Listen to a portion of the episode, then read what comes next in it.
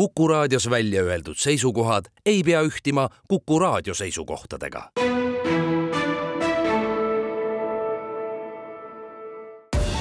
Tartu linnasaade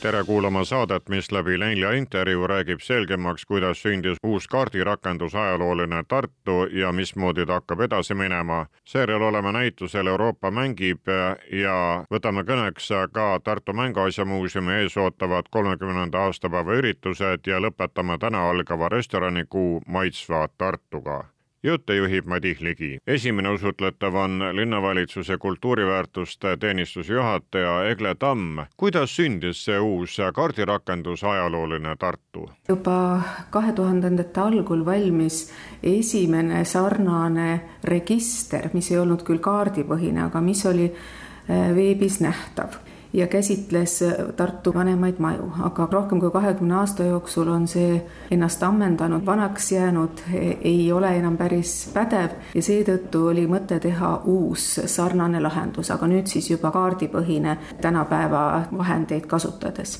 ja käsitleb see rakendus Tartu ajalugu ja arhitektuuri eelkõige Tartu miljööalasid ja Tartu muinsuskaitseala ja, ja mälestisi. Aga esimene osa nüüd Äh, käsitleb Tartu vähem tuntuid miljööalasid. kõik ju teavad supilinna, Karlovat ja, ja mälestisi, nende kohta on palju infot, aga alustasime filosoofi Jaamo Puieste ja Peetri Ujula tänava hoonetest, mis on rahva teadvuses vähem tuntud kui miljööalad, mida on ka vähem uuritud lisaks tegime ära kõik arheoloogiamälestised ja kuna see aasta on Tartu kultuuripealinna aasta, siis valisime ka välja Tartu kakskümmend neli tähtobjekti eh, erinevaid eh, nii rajatisi kui ka hooneid, mis eh, sümboliseerivad Tartut, on justkui Tartule iseloomulikud hooned kes ja kuidas siis võiksid seda kaardirakendust kasutada, kellele sellest teadmine ja tulu tõuseb? Kasutajate ring, me loodame, on väga lai, kõigepealt sellesama maja elanik, mida käsitletakse, selle tänava elanik, selle miljööala elanik, linnaosa, kogu Tartu linna ja kogu Eesti elanikud võivad seda kasutada, kõik, kes oskavad eesti keelt. aga lisaks siin on ka selliseid osi, mis võiksid olla kasutatavad ka projekteerijatele ja teistele arhitektuuri ja ehitusala inimestele, eriti nendele, kes tegelevad vanade majadega. sest siin on võimalik selekteerida ka näiteks ehitusaja järgi, teatud ehitusaastate järgi, samuti stiili järgi ning rakendus sisaldab ka vanu fotosid majadest ja samuti on viited arhiividele, kui on olemas veebiviide, siis ka see ja muud, muud lihtne arhiiviviide no näiteks, et äh, kui me läheksime Tartu linna kodulehele, võtaksime selle kaardirakenduse lahti ja hakkaksime otsima infot Raekoja kohta, jõuaksime aastasse tuhat seitsesada kaheksakümmend üheksa ja veel ennegi seda ja pärast seda, et mis siis seal on olnud ja kuidas see kõik on välja näinud nii et te annate nii pildilise kui tekstilise materjali. Jah, just, et tänapäeva kaasaegseid pilte ei ole väga palju, pigem ongi rohkem see suunatud ajalooliste fotod, ajaloolistele fotodele. sest noh, kaasajal me näeme hoonet ka niisama kõik, kõiksugustest kaardirakendustest, näiteks Google Mapsi kaudu. kui palju Tartust on tänaseks sellesse kaardirakendusse juba jõudnud? no kui tervet Tartut silmas pidada, siis äh, vähe, aga kui miljööalasid, siis äh, veerand või kuni kolmandik arvestades teie teenistuse töömaad, et te olete kultuuriväärtuste teenistus, siis kogu Tartut te sellesse kaardirakendusse ei pane, et Annelinn kui uus elurajoon või mõni teine teile huvi ei paku? praegu jah, seda plaani ei ole, aga eks äh, ajapikku võivad ka need saavad ju ajalooks ja võib-olla tulevikus äh, ka muu linn, aga esialgu püüame ikka miljööalad ja muinsuskaitsealused hooned rakendusse saada. Egle Tamm, kas need kakskümmend neli, mis käivad siis ühte jalga Tartu kui Euroopa kultuuripealinnaga sel aastal, on teil välja valitud või see nimekiri ei ole veel kriipsu alla saanud? ei, need kakskümmend neli on välja valitud ja kaardirakendusse kantud, neid võib sealt lugeda.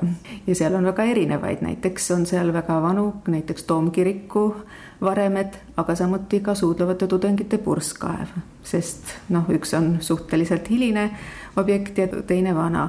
Et need nagu mõlemad peegeldavad väga täpselt Tartut ja on Tartu sümboliteks. see on siis esimene osa, mis te ajaloolisest Tartust olete kaardirakendusse pannud, töö jätkub töö jätkub, nüüd on kavas järgmisena Supilinn ja Toometaguse ja no meie oleme seda teinud nüüd üle aasta. me teeme seda töö kõrvalt ühele inimesele oleks see umbes võib-olla kolme-nelja kuu töö. see on arhitektuuri ehituse osakonna tegevus ja täpsemalt kultuuriväärtuste teenistuse tegevus kas selliseid kaardirakendusi ühe või teise paiga ajaloo kohta on meil vabariigis veel või on Tartu ses suunas esimene? no meie arvates siiski vist esimene, võib-olla on kuskil, millega me pole kursis, aga otsest eeskuju meil ei olnud. kui kaua teil siis aega läheb, kuniks kogu ajalooline Tartu on kaardirakenduses? ei julge hästi lubadusi anda, aga paar-kolm aastat arvan. Tartu linnasaade Euroopa mängib, selline näitus on Tartu Mänguasjamuuseumis lahti tehtud ja seisame arendusjuht Marge Pärnitsaga siin Lotte ees ja vaatame Euroopa kaarti ja seda pikka nimekirja, kust on siis mänguasjad pärit, mis sellel näitusel vaadata on. kas kõik on Mänguasjamuuseumi enda kogudest või olete Euroopa pealt kokku korjanud? Suurem osa on ikka Mänguasjamuuseumi enda kogudest, sellepärast et meil on selline hea väike kohe eraldi kogu, kus on maailma rahvaste nukud ja mänguasjad. nii et sealt me saime tublisti sorteerida kõik need meile ju püsiekspositsiooni ära ei mahu, nii et me saamegi siis veel natukene siin eraldi pärleid näidata, aga meil oli ka tublisti asju, mida meil ei olnud, et mis mis oli näiteks eriti keeruline, oli leidna kääbusriikide kohta midagi, sellepärast et noh, kääbusriigid nagu Vatikan või, või Liechtenstein või Monaco, nad on ju noh, põhimõtteliselt teiste riikide süles või kaisus, eks ole, ja ja proovi sa siis leida midagi, mis on sellele erakordselt iseloomulik, et, et need teised kõrval olevad pisut või isegi palju suuremad riigid mõjutavad neid nii palju, et see on ülikeeruline. kas Euroopale meeldib hästi mängida? No muidugi meeldib selles mõttes, et äh, eks see näituski on, äh, on äh, sellepärast tehtud, et et näidata, et Euroopa on väga mänguhimuline. Äh, ei ole siin midagi sellist, et äh, noh, vahel öeldakse nagu vana hea Euroopa või, või, või selline noh, noh, noh nagu natukene nagu uinunud või, või et kõik on alati ühtemoodi, ei ole midagi. tegelikult igal pool maailmas inimesed tahavad mängida ja mängida tahavad nii väikesed kui ka suured, et, et meil täiskasvanutel võib-olla on see õpitud valehäbi, et et las laps läheb mängima, mina ei tule. aga tegelikult me siin näituse avamisel nägime, et täpselt samamoodi suured inimesed istuvad põrandal laste kõrval maas, on võtnud mänguasjad, mängivad koos lastega ja mängivad ka täiesti eraldi, iseseisvalt mänguasjade kohta vist Euroopas mingit eraldi direktiivi välja antud ei ole, noh, ohutuse kohta loomulikult on teatud ettekirjutused, kuid üldiselt on ikkagi riigid vabad, mida nad äh, tahavad või tohivad teha. kindlasti on ja, ja meie tegelikult siin näitusel ka päris palju näitame neid selliseid äh, riikide kultuuripärandisse kuuluvaid mänguasju ja räägiva, räägime kõikvõimalikest sellisest kultuuripärandi alla võetud ka tegevustest, nagu siin erinevatel riikidel on, et et äh, noh, mis on näiteks äh, siinsamas äh, meie lähedal on Island mis muide, kui me tegime siin küsitluse, et mis, mis riiki sooviksid inimesed rännata järgmiseks, siis just Island on see, mida peetakse hästi selliseks eksootiliseks ja põnevaks Euroopast.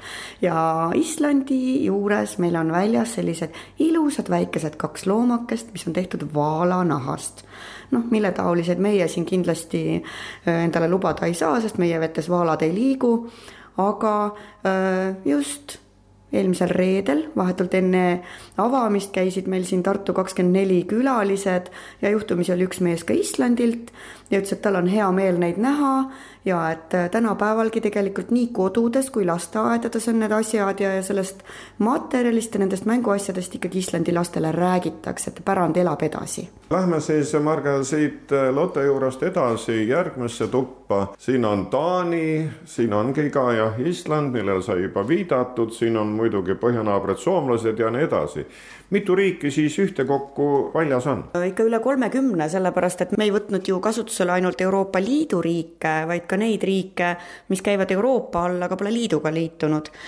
meie tahtsime ikkagi näidata kogu seda pärandit, et tõesti, kui me nüüd oleme siin näitusel edasi jalutanud, siis me jõuame siin näiteks Luksemburgi ja Liechtensteini juurde, et muidugi Liechtenstein selline, taas üks selline tore kääbusriik, mida enne ka sai mainitud, aga selle juures on sellised iseloomulikud käokellad, mis kõikides nendes riikides on levinud, mis seal eelalpides ja, ja Alpides on. aga noh, näiteks just nendest esemete kogumisest, et kuidas me ühe eseme juurde saime, on seesama Luksemburgi vilelind. et me palusime inimesi, kes, kes töötavad seal Luksemburgis, ehk siis meie tõlke ja tõlkijaid ja, ja küsisime, et kas keegi neist oleks valmis meile leidma sellise iseloomuliku linnukese, savist linnukese, mille taolised lapsed kasutavad siis Luksemburgis lihavõtete ajal. ja me küsisime seda septembris. Noh, mõeldes, et siis on aega otsida. tuleb meile sõnum, andke andeks, septembris neid linde ei müüda ka oktoobris ei müüda ega ka novembris. ja siis need vaesed tõlkijad muudkui käisid ja uurisid, et kuidas ikkagi on ja selgus, et et heal juhul siis nädal enne lihavõttepühi tulevad need müügile muul ajal neid ei ole, mitte nagu meie vastlakuklid, mis hakkavad juba detsembris lettidele tulema, eks ole. ja, ja lõpuks õnnestus siis meil üks imeilus lind saada peale mitmekuiseid kannatusi ja otsimisi ja suur oli meie üllatus, ega me ju ei teadnud, kui suured nad on. et me mõtlesime, et vilelind tähendab seda, et see on sul peo peal selline pisikene tibadillukene lind, mille sisse pannakse vesi ja siis ta teeb tsiu-tsi. ei, no see on nagu noh see on nagu hiiglaslik ülesöönud leevike, selline tohutu suur ja raske jõmakas, nii et, et nüüd on siis meie kogus selline haruldane Luksemburgi vilelind, mida võib näitusele vaatama tulla. Ning kohe siin vastasvitriinis on siis Šveitsi oma, loomulikult on siingi siis kellad ja, ja mäed, nii et saab siis selle näituse läbi teada, millega Euroopas mängitakse ning natukene selgitavat teksti siia juurde, et sellist laiemat informatsiooni kätte saada. kui kauaks see näitus siin Tartu Mänguasjamuuseumis vaadata jääb? näitus jääb avatuks terveks aastaks, sest et meil on ju kultuuripealinna aasta, eks ole, teatavasti ja, ja meie tegevused on seotud Euroopaga, aga lisaks sellele näitusele on meil plaanis äh, teha neli väiksemat näitust, mis kõik on Euroopaga seotud, hetkel meil ongi avatud esimene selle sarja väikestest näitustest äh, Ukraina kaitsenukkudest, mootamkad äh, väga toredad ja on ka juba külastajate poolt väga-väga heaks kiidetud.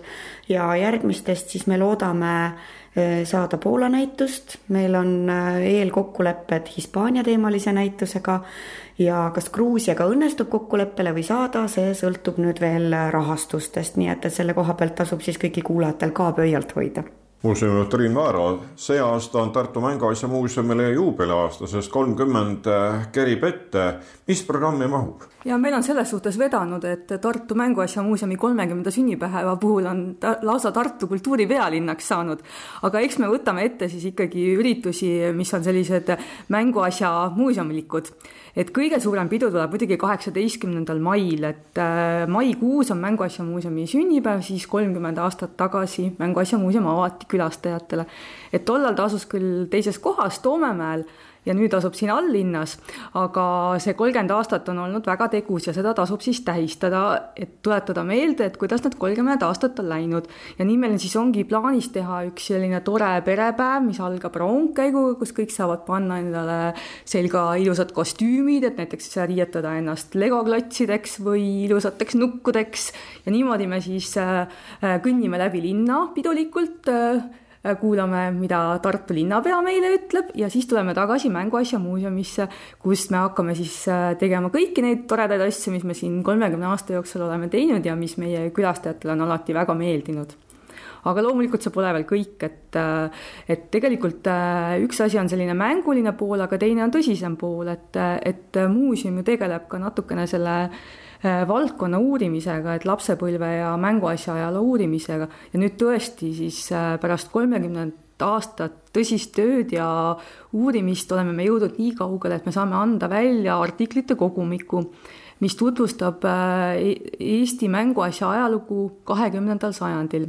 et loomulikult ei saa me anda täit ülevaadet, et põhjalikku sellist ajaloolist uurimust, aga siiski selliseid killukesi siit ja sealt erinevatel teemadel, et, et äh, nüüd esimest korda siis on võimalik ühes äh, raamatus saada ülevaade sellest Eesti mänguasja ajaloost ka ja kuna Mänguasjamuuseumi juurde kuulub teatrikodu ehk teatrimaja lastele, siis loomulikult tuleb seal ka midagi teha. ja meil on äh, plaanis lavastada üks äh, tükk, mis sobib väga hästi Tartusse, sellepärast et selle pealkiri on Rohelise südamega linn ja see räägibki sellest, et, et kuidas noh, see sobib kokku ka meie tänaste keskkonnateemadega väga hästi, et see räägibki sellest, et kuidas siis lapsed ja loomad kaitsevad äh, loodust, et äh, linn peale ei tungiks. aga mis seal siis täpselt olema saab, eks seda siis äh, saab sügisel juba näha saate lõpetan täna algava Tartu restoranide kuuga Maitsev Tartu, mida korraldab siis ettevõtluse arenguosakond Väringroon. kui paljud restoranid, kohvikud on teie initsiatiiviga liitunud? ja hea meel on tõdeda, et meie kümnendal nii-öelda siis juubeliaastal on liitunud ettevõtmisega kakskümmend neli Tartu toitlustajat et selles mõttes kindlasti on väga erinäolisi, omapäraseid ja, ja valikud klientidel on omajagu. mis peab menüüs olema ja kas ka hinnakiri on ette pandud? Traditsiooniliselt jätkame sellega, et tegemist on siis kolmekäiguliste erimenüüdega, mis on spetsiaalselt Maitsva Tartu kuu jaoks ettevõtetel välja töötatud. sellel aastal nii-öelda arenduse ja uuendusena oleme palunud siis ettevõtetel ka välja töötada lisaks oma põhimenüüdele ka eritoiduliste menüüd, mis tähendab siis, et päris paljud ettevõtted pakuvad ka taimset või täistaimset varianti, et, et see kindlasti on selline uuendus äh, meie ettevõtmises, ette on määratud hinnavahemik, see on kolmkümmend kuni kolmkümmend viis eurot siis kolmekäigulise menüü eest et äh, täpsemalt siis hinnakirja ja pakutavaga saab tutvuda maitsevtartu.ee lehekülje peal, kus siis on välja toodud ka hinnastamine kas seda kolmekäigulist äh, võib nautima minna nii lõuna kui õhtusel ajal? Selles mõttes see siiski sõltub nüüd natukene ettevõtte nii-öelda oma, oma päevakäigust, et tegelikkuses ikkagi väga hea oleks kohad broneerida, siis on nii-öelda kindel teadmine, millal ettevõttel on võimalik teil erimenüüd pakkuda. Ja selle kohta info, kuidas võtta ühendust ettevõttega, leiate samuti siis maitsevtartu.ee lehekülje pealt kui nüüd kümnes restoranikuu läheb käima, see iseenesest näitab seda, et selline ettevõtmine ikkagi töötab nii toitlustajate kui ka siis sööjate poole pealt on ta hästi vastu võetud, nii et tasub organiseerida absoluutselt, kindlasti tasub organiseerida. seda ettevõtmist ootavad nii ettevõtted kui, kui ka kliendid, nii et, et julgen kinnitada, et tegemist on väga nii-öelda oodatud ettevõtmisega kas äh, sööjad saavad siis kuidagi ka linnavõimule märku anda, mis neile paremini maitses, kui käid läbi mitu kohta, natuke võrdlusse lüüa, ehk kuidas korjata tagasisidet? ja ka siin jätkame traditsiooniliselt nii-öelda siis hindamise süsteemiga, mis on samamoodi leitav siis Maitsev Tartu lehekülje peal, kus äh, kõik külastajad saavad siis anda tagasisidet viiepallisüsteemis äh, nii-öelda maitstule kuigi siin restoranipidajad on öelnud, et äh, mõnedki toidukohad on läinud selliseks õhtusöögirestoraniks, äh, siis ülikoolilinnas sellist tagasilööki olnud ei ole ning neid, kes on tahtnud maitsva Tartuga liituda, on ikkagi rõõmustavalt palju jah, neid on rõõmustavalt palju, aga siiski rõhutan, et, et kindlasti broneerige kohad, võtke ettevõttega enne ühendust, täpsustage üle kellaajad. juubeliürituse tähistamiseks on siis Tartu turuhoones avatud Maitsva Tartu kümnendale toimumisaastale pühendatud toidufotode näitus. Näituse autor on Silver Gutman, kes on jäädvustanud Maitseva Tartu toiduelamusi igal aastal. ja Silver ongi siis välja valinud vaatamiseks kolmkümmend fotot kogu siis sellest aastaperioodist kaks tuhat viisteist kuni kaks tuhat kakskümmend neli ja see annab väga vahva ülevaate nii-öelda kokkade fantaasiast ja oskuste arengust mis teie aastasse veel mahub, millised suuremad toiduüritused on Emajõe linnas veel tulemas? no kindlasti meie traditsiooniline Tartu Toidu ja Veinifestival, mis on siis kaheksandaks ja üheksandaks augustiks planeeritud, et see kindlasti on ettevõtmine, mis samamoodi on väga oodatud nii linlaste kui külaliste poolt. Ja, ja, ja loodame jätkata ka Metsast taldrikule teemaga novembris, kuna seegi on väga hästi Tartu klientide ja külaliste poolt vastu võetud, samamoodi ettevõtjad on väga huvitatud selles ettevõtmises osalemisest. kallid kuulajad, täna rääkisid teiega Tartu linnavalitsuse kultuuriväärtuste teenistuse juht Egle Tamm Tartu Mänguasjamuuseumi arendusjuht Marge Pärnits ja direktor Triin Vaaro ning äh, linnavalitsuse ettevõtluse arenguosakonna valdkonnajuht Marilyn Kroon. tänu nendele saite ülevaate kaardirakendusest ajalooline Tartu, näitusest Euroopa mängib ja Tartu Mänguasjamuuseumi juubeliaastast ning äh, täna käima minevast äh, restoranikuust Maitsev Tartu. saate pani kokku Madis Ligi. aitäh kuulamast olge terved ning tulge ja olge Tartus, et tema üritustest ja ettevõtmistest osa saada. Tartu linnasaade